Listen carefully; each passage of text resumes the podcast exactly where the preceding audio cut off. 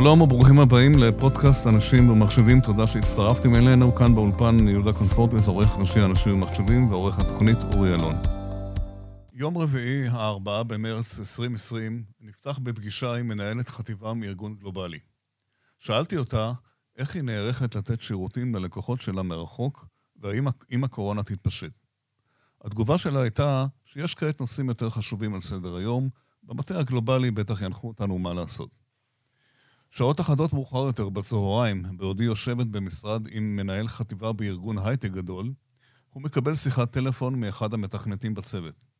שומע, אומר לו הדובר, יש ידיעה בוויינט שכל מי שהיה בשבת בשער שמונה בבלומפילד מתבקש להיכנס לבידוד כי במשחק הזה היה חולה קורונה. המנהל הסתכל עליי ואני עליו, ואני רואה איך הגלגלים בראש מתחילים להסתובב. זה היה היום שסימל בשבילי את תחילת משבר הקורונה. בבת אחת ראיתי איך השטיח נשמט מתחת לרגליהם של מנהלים, של מנהלים, ולמעשה שום דבר מה שהיה מאז, כמובן, לא היה דומה. אין ספק, השפעת הקורונה המשיכה לזעזע את המשק ומהר מאוד. הדברים האלה הם חלק מהקדמה לספר חדש בשם אומנות המנכ"לות, שכתבה סיגל שביט. הספר נכתב במהלך השנים האחרונות, אבל קיבל תפנית ומיקוד מיוחד בעקבות הקורונה. המיוחד בספר זה, שתכף נשמע עליו, שיצא לאור בהוצאת מטר בספטמבר הקרוב, הוא בכך שמלבד התיאוריות והפרקטיקות הקשורות בעולם הניהול המקובלות בספרים מעין אלו, הוא כולל 50 רעיונות עם מנכ"לים בכירים במשק מכל, מכל המגזרים. בפעם הראשונה, אה, עד כמה שידוע, דמויות מוכרות יותר או פחות מדברים עם סיגל על תפיסת הניהול שלהם, על ההצלחות והכישלונות, דברים שגם לא אמרו באופן פומבי. מי הם המנכ"לים? מה יש בספר? מה מאפיין את עולם הניהול בעידן הפוסט-קורונה? לכך עכשיו אנחנו נשוחח עם מחברת הספר סיגל שביט. סיגל היא פסיכולוגית ארגונית, מומחית לניהול ומנהיגות בעולם העסקי החדש. בעבר הייתה יועצת בכירה בבית הספר לפיתוח מנהיגות של צה"ל, וכיהנה כמנהלת משאבי אנוש בחברות הייטק גלובליות. ובשנים האחרונות היא חוקרת את עולם העבודה החדש ומלווה מנכ"לים והנהלות ממגוון ארגונים. שלום לסיגל שביט. שלום וברכה, תודה, תודה רבה על הברכות החמות. קודם כל ברכות על הספר. זה, לכתוב ספר זה מסע לא קל, כמו שאנחנו יודעים. אז אה, בואי נתחיל מהשאלה הראשונה. אה, כמו שאמרתי, הספרות הניהולית עשירה בספרים הפרסומיים בנושא הניהול, כמובן זה נושא מאוד שחוקרים בו ולומדים אותו כל הזמן. מדוע החלטת לכתוב ספר בנושא הזה, או מה יש בו? אתה צודק, יש הרבה מאוד ספרים, מרביתם יוצאים מהרקע התיאורטי, ומהתיאוריה מגיעים לשטח. אני בעצם יצאתי מנקודת מבט אחרת. אני הלכתי וראיינתי מנכ"לים וניסיתי להבין איך הם רואים את המציאות מבעד לעיניים שלהם, מה עובר להם בראש, מה מניע אותם לפעולה, מה מצליח יותר, מה מצליח פחות, ולהביא תכלס ידע מהשטח. ואז לגבות אותו בידע מחקרי מחזית התחום. אוקיי. אתה יודע, יהודה? כן.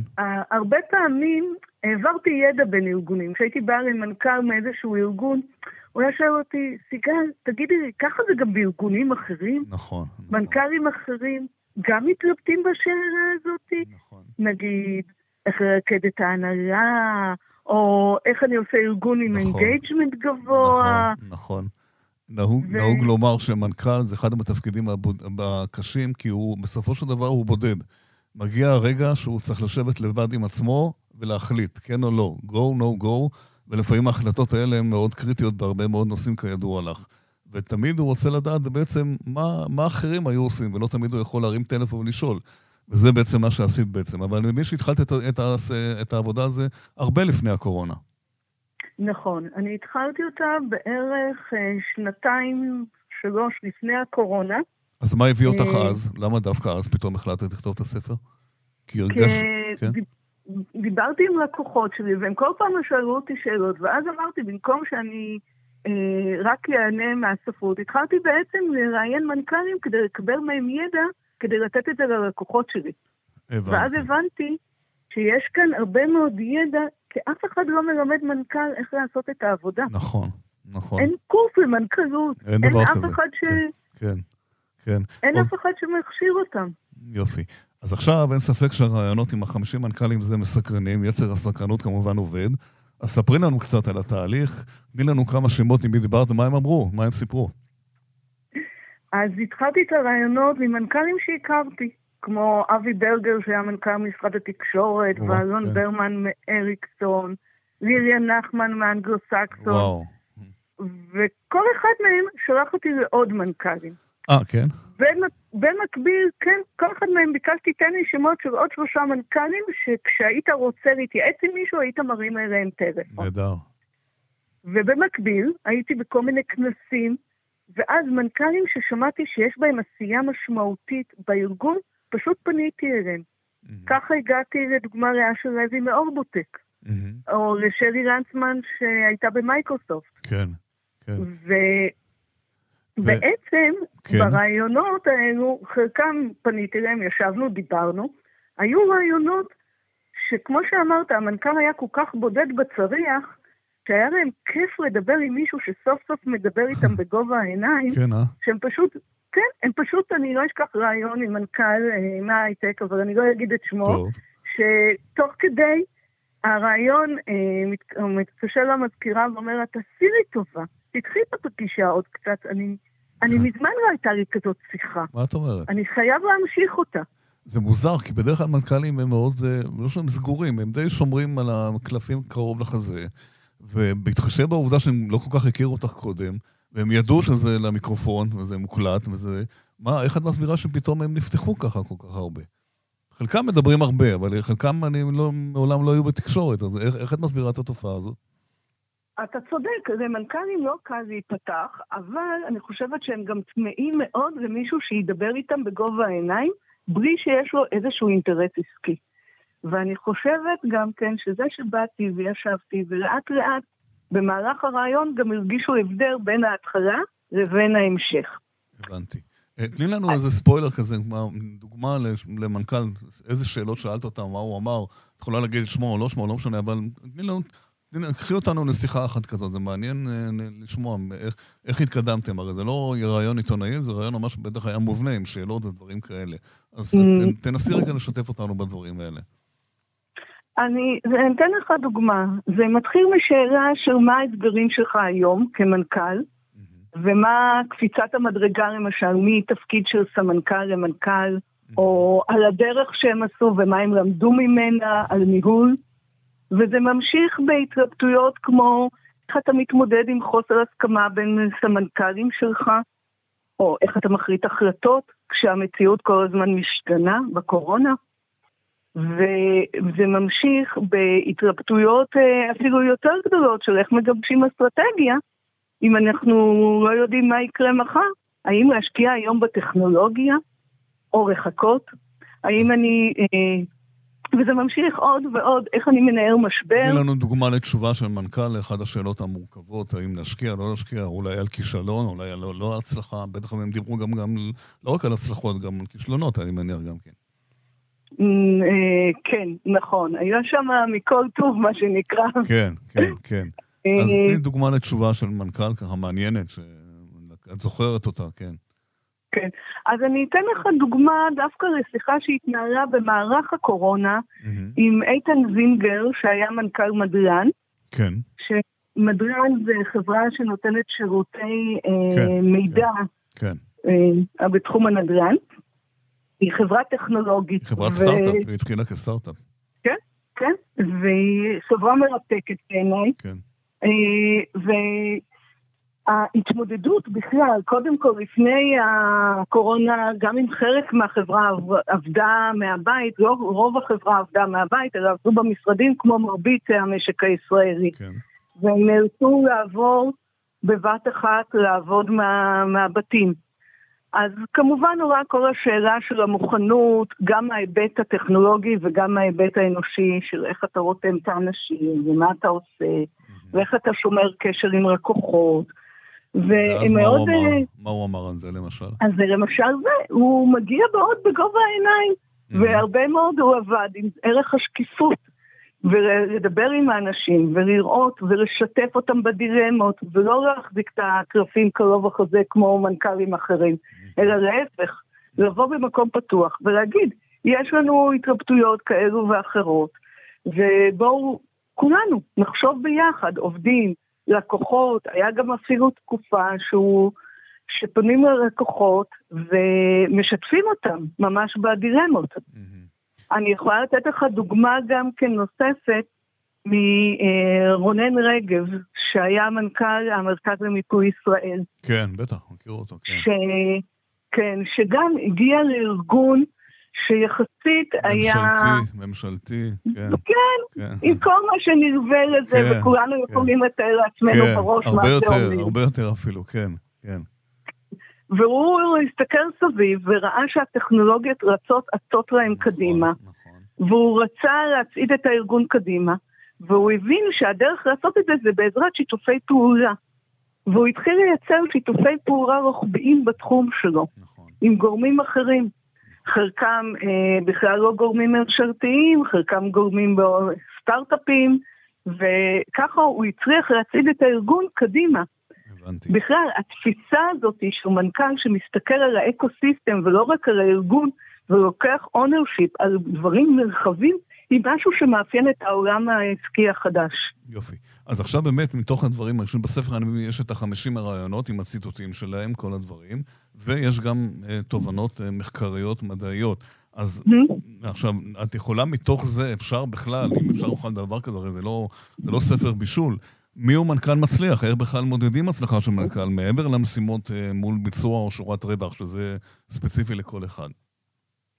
אז הנה, גם את השאלה הזאת אני שאלתי את המנכ"לים. או. מי זה מנכ"ל מצליח ביניהם? זו הייתה אחת השאלות. הוא אומר לך בטח אני, אני המנכ"ל המצליח, לא? לא, לא, מעניין שאת זה הם לא ענו. כן, אוקיי, כן. אה, אבל אה, הרבה מהם תיארו מנהיג ולא מנהל. הם אמרו הרבה פעמים שזה מישהו שיודע לייצר חזון, שמרכז סביבו את האנשים, שיודע לתת את המסר בצורה מותאמת לאנשים השונים. שגורם לאנשים ללכת אחריו. והוא עושה את זה על ידי זה שהוא יוצר איזונים. למעשה, מנכ"ל מצליח, ו- וראינו את זה ברעיונות, הוא פועל בארבע חזיתות. החזית הראשונה זה בעצם הדוגמה האישית, איך הוא כמנכ"ל במישור האישי שלו. Mm-hmm. אי אפשר רק לדבר, צריך להתנהג. אין מה לעשות, אתה לא יכול להגיב, להגיד לאנשים, לדוגמה, על בטיחות בקווי הייצור, ובעצמך להתנהג אה, בצורה כזאת שאתה מקבל דוחות על כן, נסיעה פרועה. תרד למטה ותראה מה קורה, כן. בדיוק, סתובב כן. בשטח. כן. המישור השני זה המישור הצוותי. איך אתה באמת פועל גם בצוות ההנהלה וגם בדירקטוריון. שיש פרק שלם בספר על היחסים מול הדירקטוריון. זה אתגר גדול מאוד, כן, כן. נכון. והמישור השלישי זה המישור של הארגון. איך בעצם אתה יוצר תיאום בין המחלקות השונות? בין המכירות ובין השיווק ובין ה product. בסוף שהכל ינגן כתזמורת אחת. והמישור הרביעי זה המישור שהזכרתי הרגע, המישור של ה ecosystem, שהוא מישור חדש שמנכ"לים, אם תסתכל במאה ה-20, בכלל לא התייחסו אליו.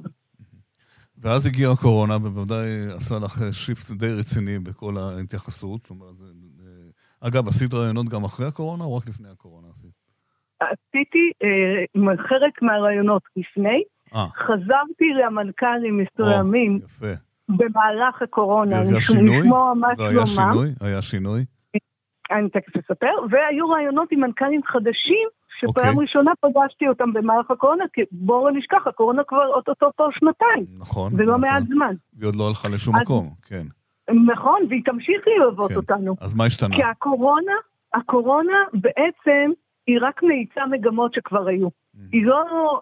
מי שהיה כזה בהתבוננות על עולם העסקי קודם, רואה פשוט האצה מאוד גדולה של הדיגיטציה, של התפרקות ארגונים, של uh, שינויים של הארגון שהם לא יעבדו במקום וזמן. אבל מה שאנחנו רואים, שהטכנולוגיה נעה מהר ואנשים משתנים מאוד לאט. ופה נוצר פער מאוד גדול. נכון. שארגונים, מנהלים ניסו פשוט בארגון לעבוד אותו דבר רק מרחוק, וזה לא עובד. אי אפשר לעשות העתק הדבק. זה בטוח. הסיטואציה השתנתה. והזכרתי קודם את מנכ"ל מדרן, אז אני אצטט אותו, את איתן זינגר, שאמר, זה שיש לי מחבת לא הופך אותי לשף. נכון, זה מופיע בספר, וזה כן. שיש לי זום לא אומר שאני יודע איך לנהל מרחוק. נכון. וזה משפט בעיניי מפתח. שהוא אתגר לכל ההנהלות היום, לא כולם יודעים באמת, כן. נכון. אנחנו נכון. בתקופת ביניים כזאת, תקופה שאף אחד בעצם לא יודע לאן זה הולך. כן היברידי, לא היברידי, כן יעשה, מנכ"לים מתלבטים בטח בעניין הזה, נכון? נכון, אבל בעיניי זה פחות ההתלבטות אם היברידי או לא היברידי, וזה גם לא כל כך חשוב כן, אם זה יהיה יומיים היברידי או שלושה ימים היברידי. כן, מה שכן חשוב זה שצריך קודם כל לשנות את ה-state of mind של המנהלים ולהבין שפנטזיית השליטה, ואני אומרת בכוונה פנטזיה, כן, שהייתה קודם למנהלים שאם העובד נמצא בחדר על יד, הם יודעים בדיוק מה הוא עושה והם יכולים לבקר ולשלוט בו, היא כבר לא עובדת. נכון. נכון. וצריך לעבוד דרך אמצעים אחרים. אז אם צריך נחזור... לעבוד, כן, כן. אם נחזור רגע לספר, אז בעצם אני כקורא, אני מבין שספר זה לא רק אה, סיפור רומן, אלא יש בו גם תובנות, כלים למנהלים. מה אני כמנהל נוכל ללמוד מזה, מעבר לקרוא, לקרוא סיפורים יפים על מנכ"לים שמדברים. מהמם. אז אה, אה, הספר בעצם בנוי, הפרקים שלו זה לפי נושאים, לא לפי רעיונות, אלא לפי נושאים שמעניינים את המנהלים. לדוגמה, איך כן. מחליטים, איך מעבירים מסרים עד אחרון העובדים. איך אני מגבש הנהלה, כל מיני פרקים בנושא הזה. ואם אני אסתכל באופן כללי, אז אני חושבת שמנהלים אה, יקבלו כלים לניהול רלוונטי כשהמציאות שלנו משתנה. הם ילמדו איך אה, לרתום את האנשים. עכשיו, זה לא משנה אם אתה רותם אותם ליומיים לעבודה מרחוק, או לשלושה, או לעבודה במשרד. כן, ברגע שאנשים מחוברים אליך ברגשי, ואתה יודע איך להעביר אותם למטרות שלך, זה כבר לא משנה. זה כבר רק, הדרך כבר הרבה יותר קלה. אה, אמרתי שלהוציא ספר זה הספר הראשון שלך, נכון? נכון. שהוא תמיד הכי קשה. אה, מסע לא קל, ספרי, שתפי אותנו בחוויות. הטובות, הלא טובות, הרבה דברים קרו, כן. הרבה דברים קרו, מנכ"לים שראיינתי עברו תפקידים, אה, כן, הקורונה התחילה, אה, ואני יכולה לתת לך את ה... כמו כל מיזם, כן. אותו דבר זה הספר הזה, אני כמו כל יזם, אני מתמודדת עם כל השינויים שנוצרים ליזמים, מהמם. ואני אתן לך עדכון ממש חם מהתנור כן. מיום חמישי. כן. מ- אנחנו היום יום ראשון, מיום חמישי, שהחליטו להקדים את הוצאת הספר בחודש. זאת אומרת, מתי הוא יצא? זאת אומרת שבראשון באוגוסט הספר כבר וואו, בחנויות. אז אני אמרתי בספטמבר, אז לא דייקתי. יפה, אז זה עוד מעט, זה ממש ממש תחשוב עוד מה מעט. קורה, ל- כן, זה כן. ממש ככה, אז תחשוב מה קורה לקו כן. ייצור, כן, שפתאום צריך לספק את המוצר חודש ימים קודם. כן, זה גם משפיע עלייך בטח, עם כל ההכנות וכל הדברים האחרים. אה, אז. אז באמת נסיים, נצ, נציין לסיום, שלקראת הוצאת הספר את יוצאת בקמפיין מימון המונים. גם נכון. למכירה מוקדמת ועוד כמה דברים, ספרי לנו בכמה מילים על הקמפיין הזה. אז הקמפיין מימון המונים עלה ממש עכשיו לאוויר. כן, איך הוא נקרא? ובקמ- אה, אומנות המנכ"לות, פשוט הספר. בגוגל, אומנות המנכ"ל- המנכ"לות, כן. אדסטארט, אומנות המנכ"לות, כן, כן, ו- או אדסטארט סיגל שביט, אפשר אוקיי. גם, אני מאמינה. אוקיי, ובעצם בקמפיין גם יש אפשרות לקבל את הספר, וגם יש אפשרות לקבל דברים נוספים שמתבססים על הידע שנאסף בספר, כמו הרצאות, כן, סדנאות, ייעוץ אישי. אני גם אספתי יחד איתי שורה של מומחים שנותנים שירותים משלימים לשירותים שלי, כן. שהם שירותים שנחוצים היום בעולם העסקי החדש. ואחד הדברים למשל שאני גאה בו זה שיש שם למשל שולחן עגול למנכ"לים, שזה סדנה שאני מקיימת רק למנכ"לים, כשיש בה אחד מכל תחום, וזה בעצם המקום אפרופו להתלבט בדילמות ולא להיות בודד בצריח. יפה. מאוד. סיגל, באמת אז אה, שיהיה בהצלחה עם הספר, הוא יהיה מעניין, נקרא אותו, ונשמע עוד דברים נוספים, איך להיות מנכ"ל יותר טוב, אומנות המנכ"לית. תודה רבה ובהצלחה, סיגל. תודה, תודה. עד כאן הפרק הזה, אה, תודה שהאזנתם לנו, אנחנו זמינים גם באפליקציית אה, ספוטיפיי, בגוגל פודקאסט, וכמובן באתר של אנשים ומחשבים, להתראות בפרקים הבאים.